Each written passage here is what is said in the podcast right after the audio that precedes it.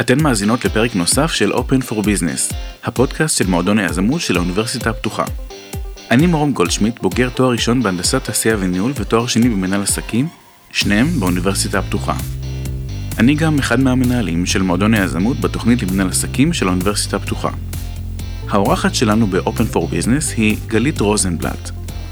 גלית היא בוגרת של תואר ראשון בהנדסת פלסטיקה משנקר ותואר שני בניהול תעשייתי מבר אילן. התחילה את דרכה בעולם התאגידי בתפקיד מנהלת תפעול של מסחר אלקטרוני, e-commerce. בשנים האחרונות גלית עובדת כעצמאית ומנתבת את הידע שלה מהתעשייה לעבודתה כיועצת ומנהלת פרויקטים בתחום הייעול העסקי. גלית, ברוכה הבאה לפודקאסט. שמחה להיות כאן. עוד משהו שחשוב לך להוסיף? Uh, האמת היא שבדרך עבדתי גם באיזשהו מקום... Uh, קונה. קונה, קונה זה מכונה בפינית. אה, אוקיי. חברה פינית שבעצם, uh, בוא נגיד אם אני צריכה לחבר, uh, לקשר מה קשור uh, מה שעשיתי בכתר למה שעשיתי בקונה כשכירה, אז בעצם uh, הקמתי פעילויות של, של מנוע צמיחה בארגונים האלה. בכתר זה היה באמת הפעילות של האי-קומרס, המסחר האלקטרוני. בקונה אה, זה היה חלק מתהליך מיזוג של החברה בארץ עם החברה מחו"ל. אה, בשניהם זה בעצם להקים משהו ככה מאפס, ולכן אה, בעצם יש לי חיבור מאוד מאוד חזק ליזמות, דווקא בהיותי שכירה, כן, כשכירה. ובעצם אני מביאה מכל מה שלמדתי שם מהעולם, ה, מהעולם העסקי, התאגידי, אני מביאה לעצמאות שלי גם, וגם ללקוחות שלי. אז, אז זה אנחנו, מעניין. אנחנו בהחלט נדבר על זה בהמשך הפרק. לפני שניגש לביזנס, בואי נכיר אותך טיפה, נעשה את השאלון הקבוע שלנו בפודקאסט, ואני אשמח אם תוכלי לספר לי על שני רגעים מהחודש האחרון, אחד חיובי והשני קשה או מאתגר. אוקיי, אה, אז חיובי, קודם כל, אה, אחרי תקופת קורונה, שכולנו ככה סגורים בבתים, אז אה, סוף סוף התמזל מזלי ויצאתי לאירוע חברתי פומבי לסטנדאפ. או-אה. כן, ועוד עם חברות מאוד מאוד טובות, אז שלא ראיתי הרבה זמן, ככה שזה באמת אה, נורא אה, מרענן ונורא, התחושה הזו של לחזור אה, לשגרה פתאום, למשהו נורא נורא פומבי, אז זה באמת היה מאוד מאוד כיף. הדבר הפחות כיף זה שהסטנדאפ פשוט לא היה מוצלח. עלייה וקוץ בה, כמו שאומרים. כן, אה, משהו מבאס החודש. אה, תראה, אני אגיד לך את זה ככה, אה, חייו של עצמאי או לצורך העניין מישהו שמוביל אפילו סטארט-אפ וכדומה, רוב הדרך היא מבאסת וקשה. כן. זה כל הזמן שם. והיופי זה לזכור שיש את הפיקים, וכל הזמן להמשיך לנוע לעבר הפיקים. אז אני משתדלת פחות ככה להתבוסס ברגעים המבאסים, ולכן זה לא נשלף לי מהזיכרון, אבל זה כל הזמן, זה כל הזמן שם, פשוט צריך uh, לחיות עם זה.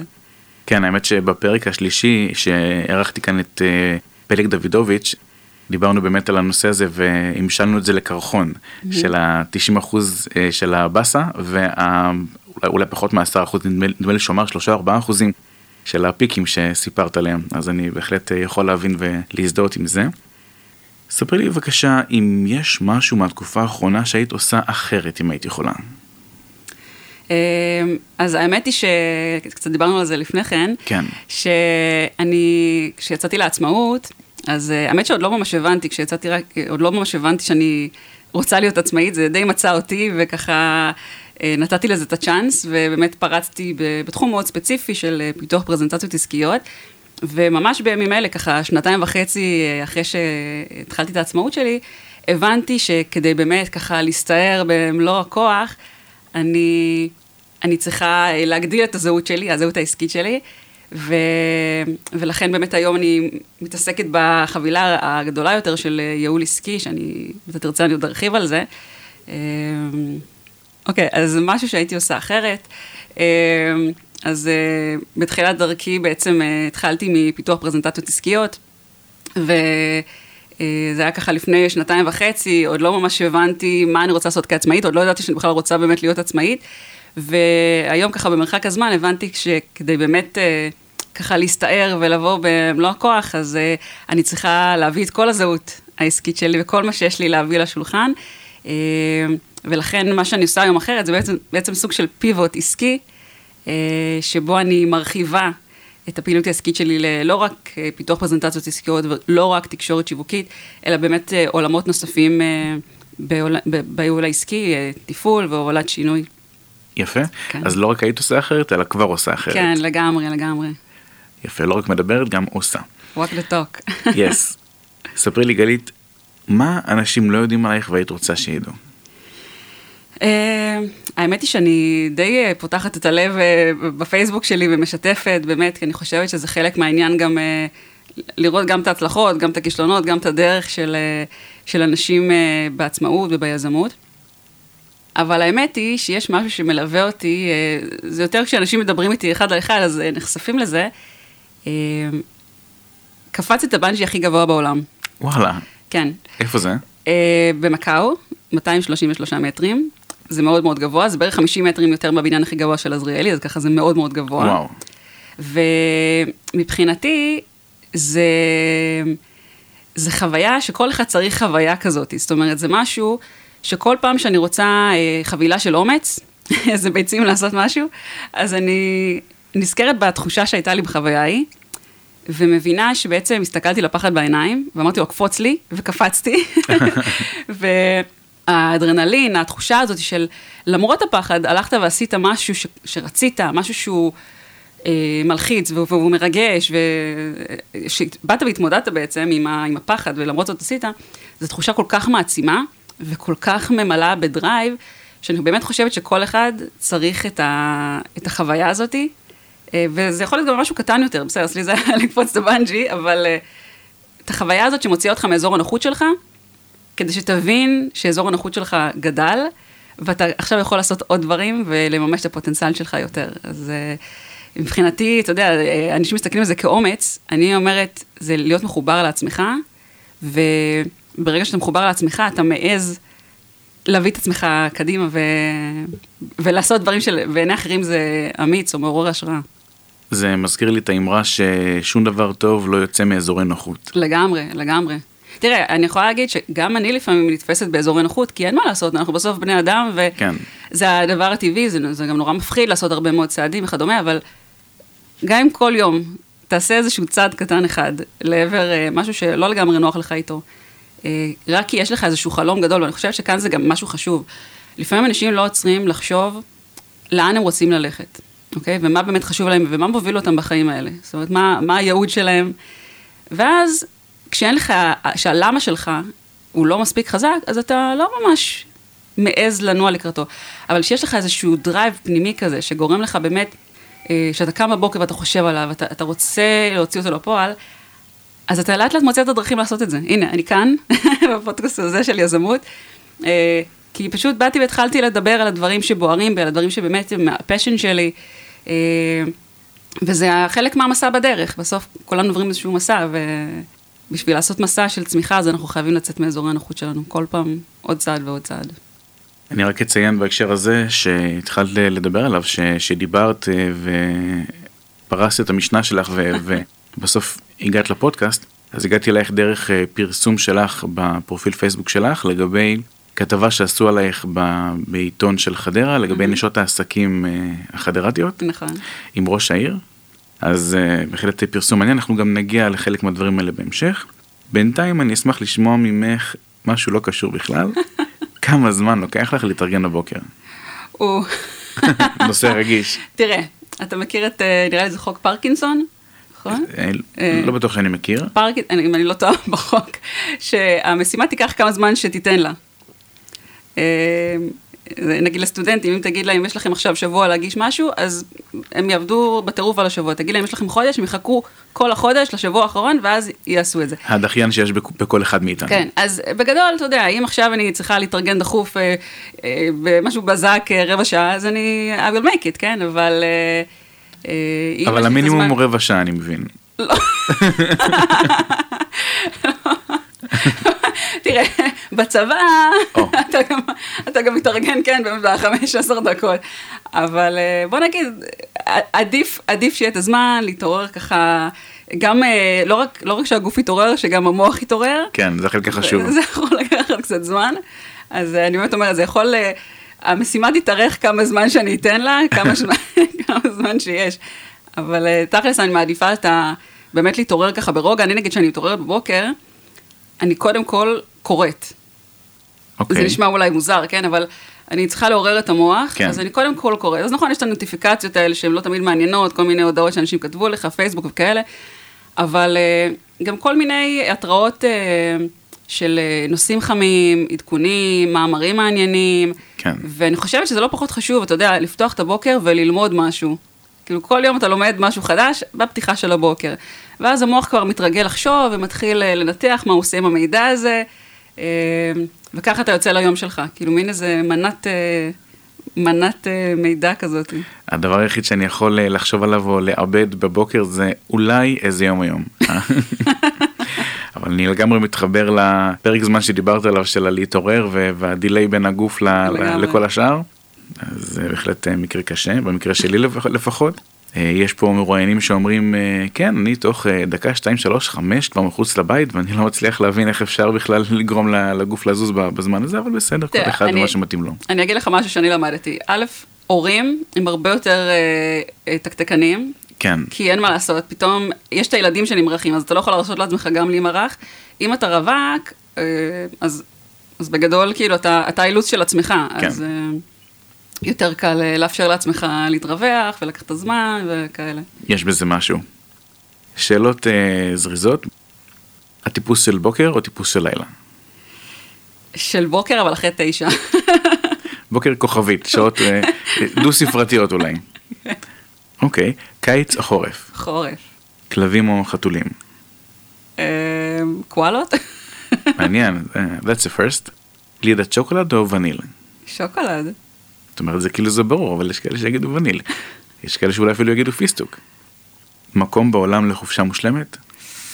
או, זה ממש... אה, אחרי שנה של חסכים, איך, איך עונים על הדבר הזה? Uh, תראה, אתמול המלצתי למישהי על תאילנד, אבל תכלס, uh, אני תמיד בעניין לחקור מקומות חדשים שעוד לא הייתי בהם, אז uh, איפשהו יעד רחוק.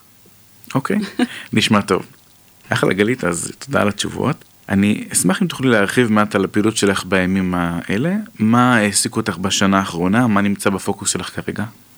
אוקיי, אז, uh, אז כמו שאמרתי, אני בעצם, uh, הפוקוס שלי עכשיו זה להתרחב לעולמות של הייעול העסקי, מדברים שעשיתי גם כשכירה וגם uh, כעצמאית, אז בעצם העולמות האלה הם uh, גם היבטים מסוימים של שיווק, וגם היבטים מסוימים של, uh, uh, של תפעול, וגם של הובלת שינוי. כשניסיתי ככה להבין מה בעצם, מה הבשורה שלי, איך אני מחברת את כל הדברים, אה, כדי שתהיה לי דרך ברורה ככה לצעוד בה ולתת מהערך שלי בצורה אה, שעושה שכל לעצמי, אז הבנתי שבעצם אה, יש לי, יש לי מה לתת בכל שלב של צמיחה של פעילות עסקית. יש את ה... אני אחלק את זה ככה בגדול, פעילות עסקית היא יכולה להיות בילדותה, היא יכולה להיות בהתבגרות שלה, והיא יכולה להיות בבגרות שלה, אוקיי? אה, ובכל בכל אה, היבט כזה, בכל שלב כזה, יש, יש מה לעשות כדי לעזור לה להתקדם לשלב הבא, או אה, למקסם את השלב שהיא נמצאת בו. אז ב, בילדות למשל, בדרך כלל אה, המטרה היא אה, או לגייס לקוחות חדשים, סליחה, לקוחות אה, ראשוניים, או אה, לגייס אה, משקיעים כדי שתוכל אה, להמשיך להתרכז ולפתח את הפעילות. אז בדרך כלל מה שצריך שם זה אה, קודם כל תוכנית עסקית, אז איזשהו ליווי בצד העסקי, איזה מישהו שיעזור לך ככה לדייק את הצד העסקי, אה, ואחר כך גם אה, את הזהות, שזה יותר העולמות של המיתוג, שמיתוג הרבה פעמים חושבים שזה רק העיצוב, אבל זה לוגו או כרטיס ביקור, אבל זה באמת הבידול שלך, המהות שלך, מי אתה, הסיפור העסקי שלך, מה שנקרא היום storytelling, זה חלק מזה. כן, כל מה שמרכיב גם את המותג שלך במרכאות. כן, ואז גם איך אתה מתקשר את זה החוצה, שזה בעצם התקשורת השיווקית, שזה למשל פרזנטציות, זה- פרזנטציות זה, זה חלק מזה, אבל יש עוד כל מיני אמצעים אחרים שאפשר אה, אה, להעביר את המסרים השיווקיים, לתקשר את הסיפור העסקי שלך, אה, ובסוף כמובן להשיג את המטרות העסקיות שלך. אז אה, זה ככה בגדול בצד, בשלב של, ה, של הילדות, אוקיי? כל מה שאתה צריך כדי לגייס את הלקוחות הראשוניים כן. ואת המשקיעים. אה, אה, בשלב השני של ההתבגרות, בעצם הפוקוס הוא יותר על בוא, בוא נגדול, בוא, בוא נגדל, בסדר? בוא אה, אה, נייצר איזושהי מערכת יותר יציבה, שהיא יותר בשליטה, כי אם אתה גדל ואתה לא בונה את התשתית שככה תומכת בזה, זה יכול אה, לצאת משליטה, נכון? ואז אתה יכול ליפול על זה. ולכן, הדגש כאן הוא באמת על לבנות את תהליכי העבודה, לבנות בקרות למיניהם, להטמיע מערכות, להגדיר תפקידים, זאת אומרת באמת לייצר איזשהו structure יותר.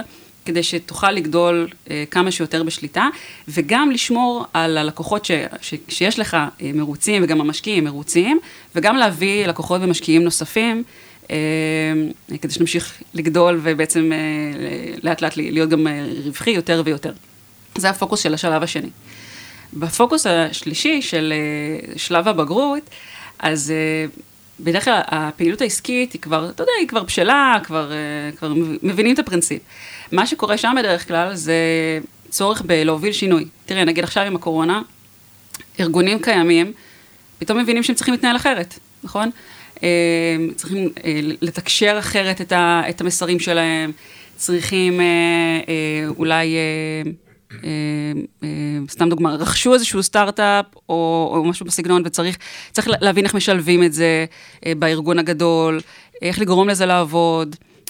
אז בעצם צריך כאן חשיבה יותר הוליסטית של, אוקיי, אנחנו מבינים שאנחנו צריכים לעשות איזשהו שינוי, אולי להכניס איזו חדשנות מסוימת לארגון, אולי לעשות שינוי ברמת מחלקה מסוימת, או תהליך ספציפי, ו, והרבה פעמים צריך את המישהו הזה מהצד, שיבוא וייכנס ויסתכל על זה בצורה אובייקטיבית, ו... אה, ו- ויעזור להוביל את השינוי הזה, אני אגיד לך אפילו יותר מזה, לפעמים לעשות, אה, לפעמים כשזה בא ממישהו חיצוני, לאנשים בארגון יותר קל לקבל את זה, מאשר אה, אנשים בתוך הארגון. אז מבחינתי, שלושת השלבים האלה, אלה השלבים שאני, שאני רוצה להתעסק בהם, ובכל שלב יש לי גם מה לתת שם. זאת אומרת, ממש מה, מהעולמות שציינתי. אז אני מקווה שזה ענה ככה לשאלתך. אה, בהחלט. לפני שנמשיך לדבר על, על העיסוקים שלך, יש לי לא מעט שאלות על זה. רציתי שתספרי לי טיפה על המעבר שעשית משכירה לעצמאית. עבדת בארגונים גדולים, לא מעט שנים בתחומים שאפשר להגיד שמקבילים לתעשייה וניהול mm-hmm, בתאגידים נכון. גדולים, אבל בשלב מסוים החלטת לעבור ולהיות 100% עצמאית, מה שמצריך באופן אינהרנטי לא מעט אומץ ולא מעט עבודות הכנה, וברוב המקרים התחלות לא פשוטות בכלל. אני אשמח אם תוכלי לספר לי טיפה על זה ועל התקופה שבה הצטבר המומנטום עד שהגעת לנקודת המאסה הקריטית שבה אמרת, זהו, אני עוברת להיות עצמאית. אמ, תראה, האמת היא, אה, כשעזבתי את העבודה שלי בקונה, זו עבודה שמאוד מאוד אהבתי, זאת אומרת, הרגשתי משמעותית, ובאמת אה, בניתי את התפקיד שלי מאפס, גם, גם אגב בכתר, כן, אני מאוד יצקתי תוכן לתפקידים שלי, והרבה מרחב פעולה, מאוד יזמי והכל. אני בטוח שבכתר יצקת תוכן. משחק מילים כן, על הפלסטיק. כן. וכשיצאתי, אז הסיבה שיצאתי זה בעצם כי כי הרגשתי ש, שמשהו שם לא עובד בקונספט של צורת העבודה. אה, אה, של ה... אתה יודע, להגיע כל יום אה, לאיזשהו משרד, להתקע בפקקים, איזה שעה, שעה וחצי, שעתיים ביום, רק על פקקים. לנשום אוויר מזגנים, לראות אור פלוריסנטים, רק את אותם אנשים בערך. אמרתי, חייב להיות משהו אחר, זאת אומרת, גם כשאתה עושה משהו שהוא מאוד מאוד משמעותי ומעניין, משהו בקונספט הזה של, באיך שהעבודה קורית היום בשוק התעסוקה, זה הרגיש לי ליד, ו, ובאמת התמיינתי לכל מיני מקומות, וגם אפילו משרות אה, מאוד מאוד בכירות של דירקטור וכדומה, ו, וגם כשקיבלתי את ההצעות, או שזה היה השנייה על היד, הרגשתי שזה לא, ש, ש, שאני לא, שקשה לי לראות עצמי חוזרת לא, לאותו קונספט בלי לבדוק משהו אחר. ו... ואז אמרתי, אוקיי, אני כבר, הגיעו אליי עבודות של עצמאות, האמת, אז לא חיפשתי את העצמאות, הם פשוט התחילו לשלוח אליי לקוחות, אנשים שהכירו אותי והכירו את המיומנויות שלי בפרזנטציה, אז פשוט התחילו לשלוח אליי לקוחות, אמרתי, אוקיי, צריך אה, איכשהו לגבות כאן כספים, אז בוא נפתח אה, עוסק. אה, ואתה יודע, ברגע שיש לך את העוסק, זה ממש כמו שדיברתי על אזורי נוחות, אז פתאום יש לך כבר את הפסיליטייטור, כאילו, הנה, עכשיו אתה יכול, זאת אומרת, יש לך את האפשרות לעשות את זה, אז, אז בוא, בוא תשקיע בזה. ו, ובמקביל לזה שהתראיינתי, אז באמת השקעתי בעצמאות שלי, ולאט לאט הבנתי ש... שבאמת קשה לי רגע להתמסר שוב, לחזור לשוק התעסוקה בלי שאני בוחנת את האופציה הזאתי. אה, ואז באמת אה, ככה נתתי באמת את הפוקוס לעצמאות, ובאמת להבין, רגע, מה, מה אני נותנת ו, ו, ומה מעניין אותי לעשות וכדומה. יש, יש עצמאים שאומרים שהסיבה שהם עברו לעצמאות מלהיות אה, שכירים, היא בגלל שנמאס להם לעבוד כדי להגשים חלומות של אחרים והם רוצים להתחיל להגשים את החלומות של עצמם. את מרגישה שהאמירה הזאת נכונה גם לגבייך? אה, אני תמיד לא הבנתי את האנשים שאמרו את זה. כאילו, לא, אני באמת, אני בן אדם של, אה, של קורפורטס, כאילו זה, זה ה-DNA שלי, זאת אומרת, okay. אוקיי. תמיד חשבתי שאני אהיה במסגרות ואני ככה, הם תחת גבולות המסגרת, זה ממש ה... אה, באמת מה שתמיד חשבתי, וכשיצאתי לעצמאות, פתאום אנשים אמרו לי, ברור שאת עצמאית, כאילו זה תפור עלייך, והסתכלתי עליהם בפליאה, כי לי זה לא היה ברור, אה, באמת, אה, אבל אני חושבת שלאט לאט אני מגלה כל כך הרבה יכולות בתוך עצמי, אתה יודע, פתאום הצורך, הצורך מוליד דברים, פתאום אתה שולף כל מיני דברים, והאמת היא שזה שהתעסקתי בארגונים, בכל כך הרבה אה, היבטים שונים ומגוונים, ובאמת נחשפתי לפעיל, לפעילות העסקית בכל כך הרבה רבדים, אני, זה עוזר לי לקחת את זה היום לפעילות שלי כעצמאית, ובאמת להסתכל על זה כמו, כמו ארגון. זאת אומרת, אני לא חושבת, אה, אני גלית העצמאית הקטנה עכשיו, שבאה ככה, תעשו לי טובה, קחו אותי לעבודה. לא, ממש לא. אני חושבת כמו ארגון, אני באמת מנסה לתכנן אה, אה, ככה תוכנית עסקית לעצמי, ו- ולאן אני רוצה ללכת, ולמה אני רוצה ללכת, אה, ובאמת מה הזהות שלי, וכדומה, ממש כמו שעושים בכל פעילות עסקית אחרת, זאת אומרת, זה לא שונה מבחינתי. כן. אה, ו- ותראה, אני עדיין בוחנת את זה, כן, אני... אה, כשיצאתי לעצמאות ואמרתי לך והתראיינתי למקומות, אז... אה, אז לא היו פתוחים לקונספט הזה של אה, עבודה מרחוק, ואתה יודע, איזושהי גמישות כזאת. ואני זוכרת שכשעזבתי את העבודה כשכירה, הכרתי את, ה, אה, את הקהילה של נוודים דיגיטליים בישראל. כן. אמרתי, וואו, הגעתי לשבט שלי, כאילו זה בדיוק, זה בדיוק הקטע הזה של החשיבה האחרת, לא קונבנציונלית, לגבי לאן אה, שוק התעסוקה הולך. וידעתי שהארגונים עוד לא בשלים לעשות את השינוי הזה. עכשיו הקורונה הייתה מין זרז כזה שגרם לכולם פתאום לרוץ איזה כמה שנים קדימה. אבל, אבל באמת, כש, כשאני יצאתי, אז זה עוד לא, זה עוד לא היה שם. Uh, יכול להיות, אתה יודע, uh, you never know, כן, uh, פתאום אני אמצא את עצמי דרך הלקוחות שלי חוזרת, פתאום להיות uh, שכירה, או שבאמת אני ככה, אהיה איזה uh, חברה גדולה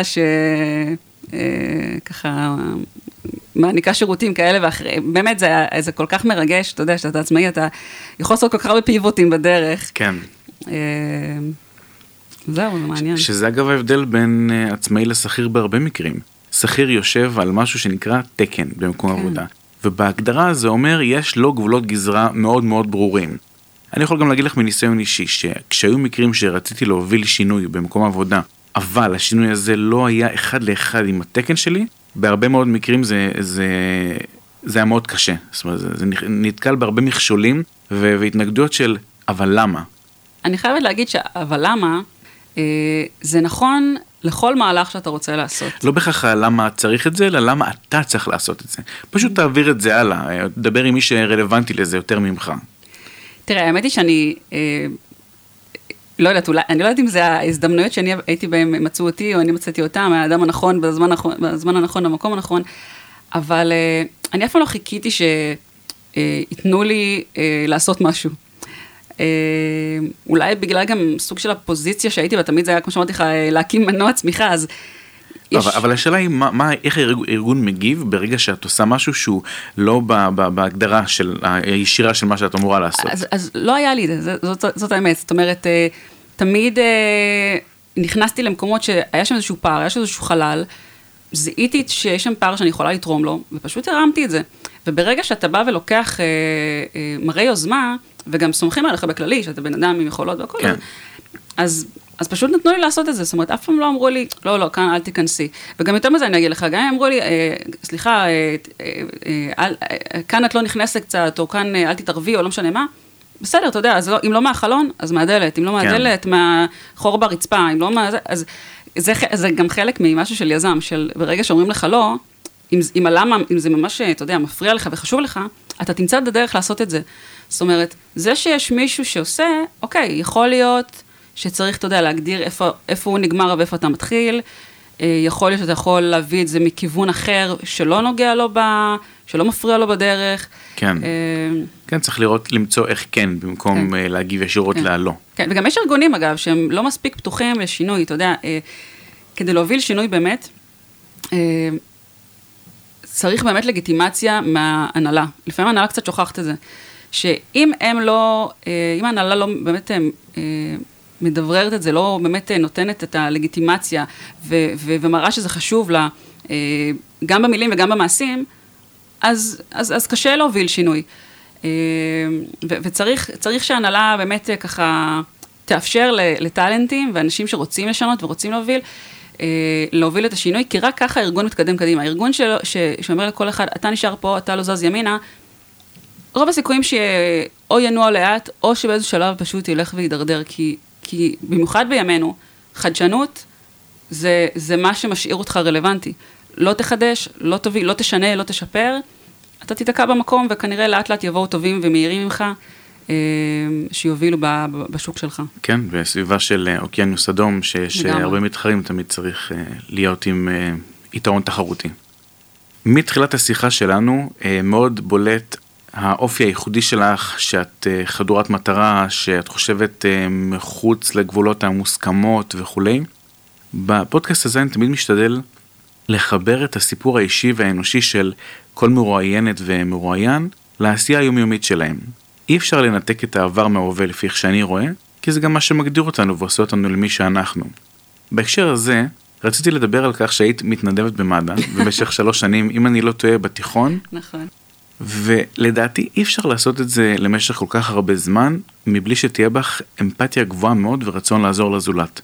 רציתי לשאול אותך, האם את חושבת שהתכונות האלה בך מסייעות לך מבחינה מקצועית בתחום של ניהול עסקי והנעת שינויים אצל אחרים? אז האמת שזה משעשע שהזכרת את מד"א, אה, אבל האמת היא שמבחינתי מה שהכי נתן לי את היכולת אה, להניע שינויים, היה דווקא התפקיד שעשיתי בצבא, הייתי אה, מפקדת בגדנ"ע בשדה בוקר, ואחר כך גם אה, מדריכה, אה, זאת אומרת, יועצת לענייני צבא בבתי הספר במסגרות בלתי פורמליות, במסגרת חיל החינוך. והמפגש הזה, שאתה בעצם פוגש כל מיני סוגים של אוכלוסיות, שיש להם מניעים שונים לפעולה, ואתה כל הזמן צריך למצוא מה הטריגרים, זאת אומרת, איך להניע גורמים שונים כדי שבסוף תגיע למטרה שאתה רוצה, לחוויה שאתה רוצה שהם יחוו. אז למצוא את הטריגרים האלה, אני חושבת שזה באמת משרת אותי, שירת אותי גם אה, כשכירה וגם היום כעצמאית. כי אה, בסוף, ברגע שאתה מבין מה מניע את האנשים, אתה יכול להגיע אליהם בדרך שלהם. אתה יודע, אפילו אמרו לי את זה כשעזבתי את מקום העבודה האחרון, שיש לי את היכולת הזאת לכל, להגיע לכל אחד בדרך המיוחדת שלו, ובעצם באמת להוביל ככה שינוי איפה שאחרים לא מצליחים. אה, אולי כי הרבה אנשים אחרים שוכחים שבסוף לא משנה מה אתה רוצה להוביל, יש מאחורי זה אנשים. אנשים. ואם אתה לא עוצר רגע ובאמת אה, אה, מכיל את האנשים האלה ביום-יום, לא רק שאתה צריך, ביום-יום אתה שם, אתה מתעניין, אתה, אתה שואל, אתה, אתה מבין את האתגרים, את, את התסכולים וכדומה. אם, אם, אם אתה לא שם, אם אתה לא חי את, את הדברים האלה, אז אנשים, אתה יודע, ברגע שצריך משהו, אז הם יסתכלו עליך, אה, הוא רק מנצל אותי. אבל כשהם הם, הם חווים את ההכלה שלך באופן אה, יומיומי או באופן תדיר, אז ברגע שאתה פונה אליהם ואתה אומר, אתה יכול לעשות לי טובה, אכפת לך אולי ככה, אני יודע שקשה לך, אבל אתה יכול בשבילי, הם פתאום רוצים לעשות את האקסטרה מייל, כי, כי הם מבינים שאכפת לך מהם, גם מעבר ל... אתה יודע, לצורך... צורך המיידי. בדיוק. כן. אם מדברים על אה, קשיים ועל אנשים, מעניין אותי לדבר איתך על, בואי נקרא לזה, לא רוצה להיות אה, מתריס מדי, הרקע הפריפריאלי. אני אסביר למה הכוונה, לך זה ברור. אה, את למעשה born and raised, אה, נולדת וגדלת בחדרה, ואת אה, למעשה גם מתגוררת שם היום. האמת שאני born בחיפה, אבל... אה, וואלה, אוקיי. אז fuck בתחקיר שלי. נולדת בחיפה, וגדלת והתחנכת בחדרה. כל אחד יותר פריפריאלי מהאחר, אפשר לומר. את חושבת שהעובדה הזאת הצריכה ממך להוכיח את עצמך יותר בהשוואה, למשל, למי שנולד במרכז הארץ, ואני אוסיף ואני אקשה, האם העובדה שאת אישה תרמה או גרעה בצורה כלשהי? וואו, זה, ש... זה שני היבטים, וואו, כל אחד מהם זה משהו אחר. אה, תראה, את ה... אה, אני, אני חיברתי את הנקודות ביחד בגלל שלכאורה כל אחד מהם אמור להיות חיסרון. השאלה היא האם זה היווה חיסרון מבחינתך, אולי אפילו יתרון. זה שאני מהפריפריה, אה, האמת היא שזה לא יותר מדי השפיע עליי, זאת אומרת, אה, יותר כשגדלתי זה היה יותר ההשפעה של, ה, אה, של המשפחה שלי, אה, של ההורים שלי, של התפיסת עולם שלהם.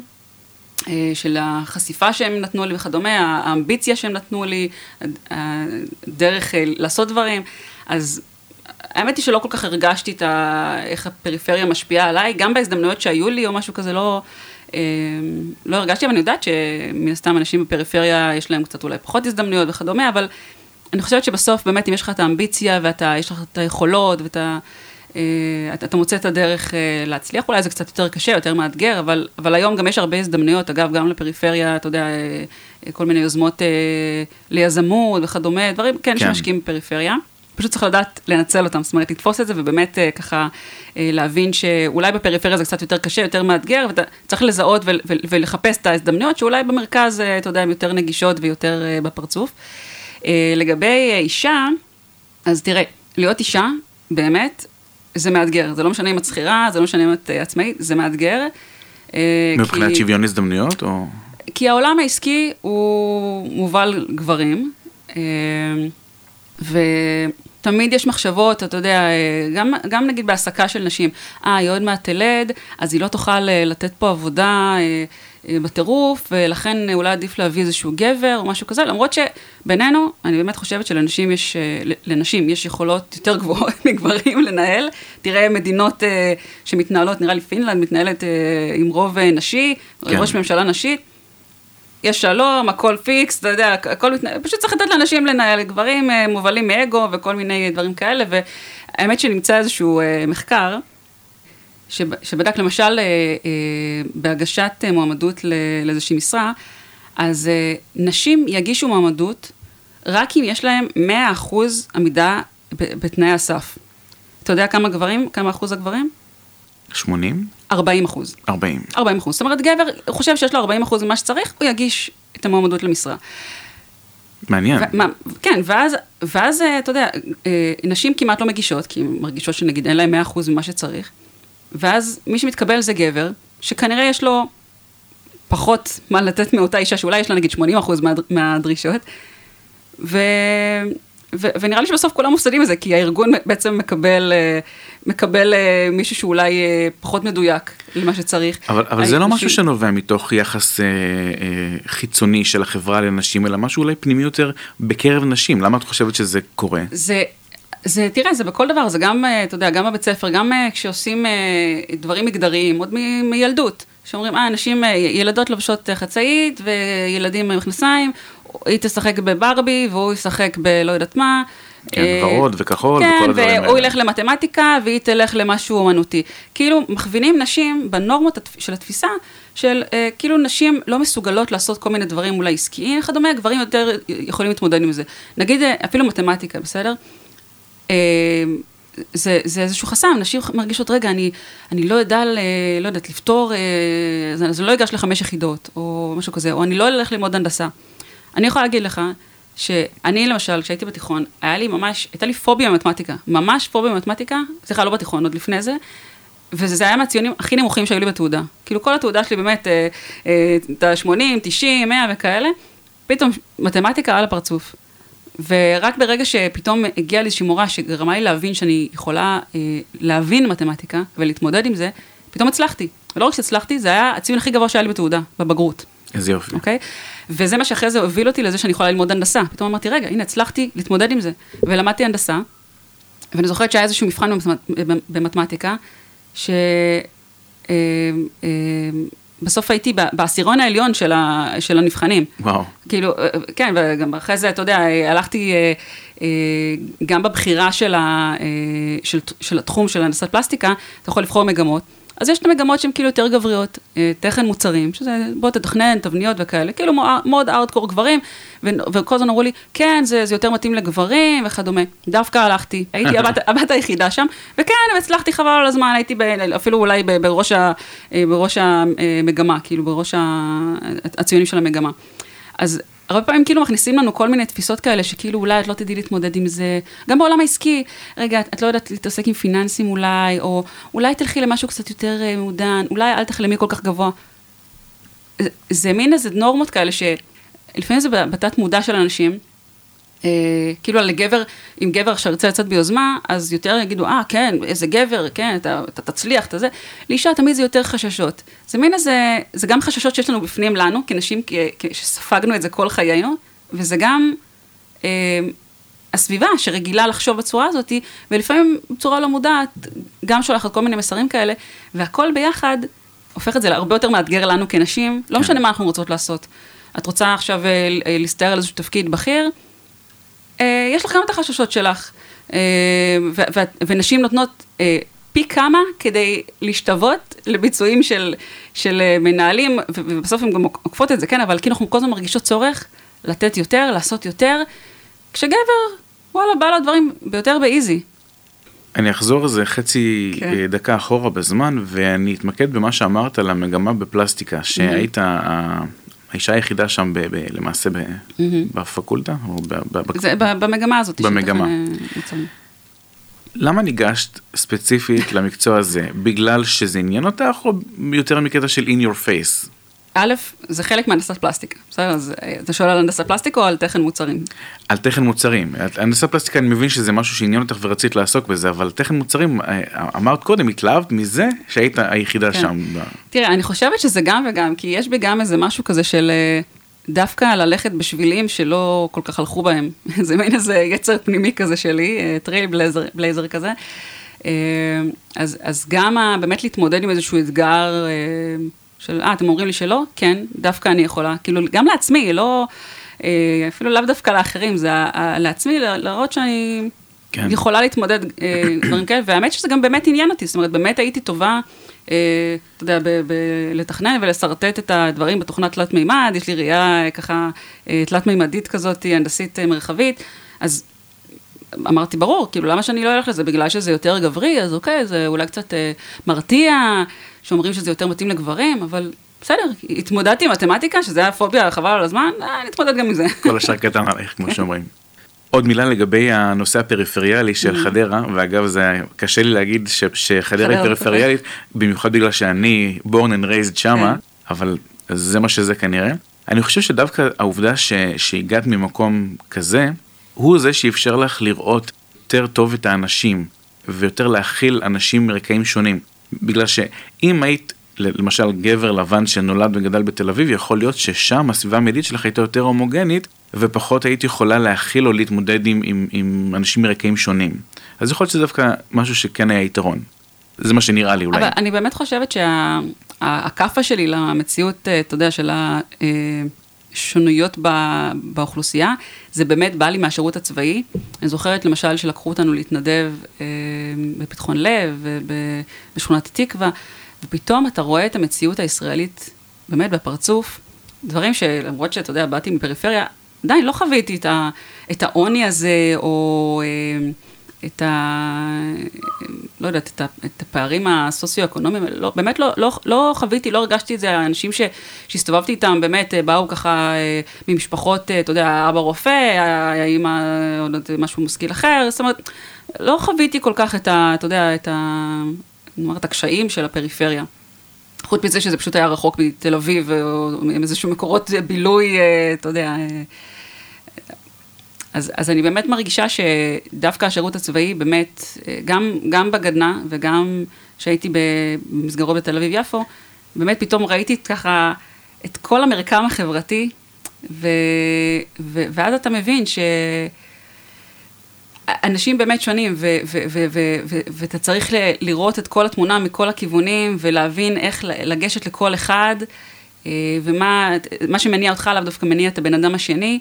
אה, אני חושבת שזה מאוד פתח לי את הראש, אפרופו, אתה יודע, היום אני מתעסקת אה, בפרזנטציות עסקיות, ופתאום, ומיתוג וכדומה, ו storytelling זה מאוד אה, חזק בעולמות האלה. כן. וה storytelling זה בעצם באמת להבין מאיפה אנשים באים, ו- ו- ו- ו- ולדבר, אתה יודע, בדיוק לכיוונים האלה, בדיוק לכאבים שלהם, לאתגרים שלהם, לאיך שהם רוצים לקבל את, ה- את המסרים האלה. ואם אתה, לא, ואם אתה לא מדייק שם, אז אתה מפספס אותם. כן, אחלה גלית באמת מעורר השראה ומאוד מאוד מעניין. שמחתי לארח אותך כאן בפודקאסט ותודה כן. רבה שבאת. די, זה נגמר? אני לא מאמינה. כבר נגמר, כן. וואו. אנחנו באמת בחריגה של זמן, אבל כל כך נהניתי שלא הייתי יכול, לא היה לי לב לעצור אותך. וואו, בא לי להמשיך. יכול להיות שנמשיך בעונה הבאה, מה שנקרא. מהמם. אני בהחלט אשמח להזמין אותך שוב ונדבר, יש לי. עוד הרבה דברים שרציתי לשאול אותך, אבל אה, מה שנקרא קצרה יריעה מלהכיל. אוי אוי אוי. כן. בכל מקרה, המון המון תודה והמון בהצלחה בהמשך. תודה, תודה. אנחנו בתקופת ההרצאה של הפודקאסט, ספרו לנו מה חשבתם על הפרק. יש שאלות היכרות עם המרואיינים שהייתם מוסיפים, מורידים, משנים? משהו שהייתם רוצים לשאול את גלית? ספרו לנו בקבוצת הפייסבוק שלנו, מועדון היזמות של האוניברסיטה הפתוחה, הקבוצה. לינק לקבוצה נמצא בתיאור הפרק. אתם האזנתם לפרק נוסף של Open for Business. הפרק הוקלט באולפני האוניברסיטה הפתוחה בכפר הירוק. על הסאונד, אורי דגני. תודה, ונשתמע בפרק הבא. די! לא מאמינה שנגמר. כן. אוי אוי אוי.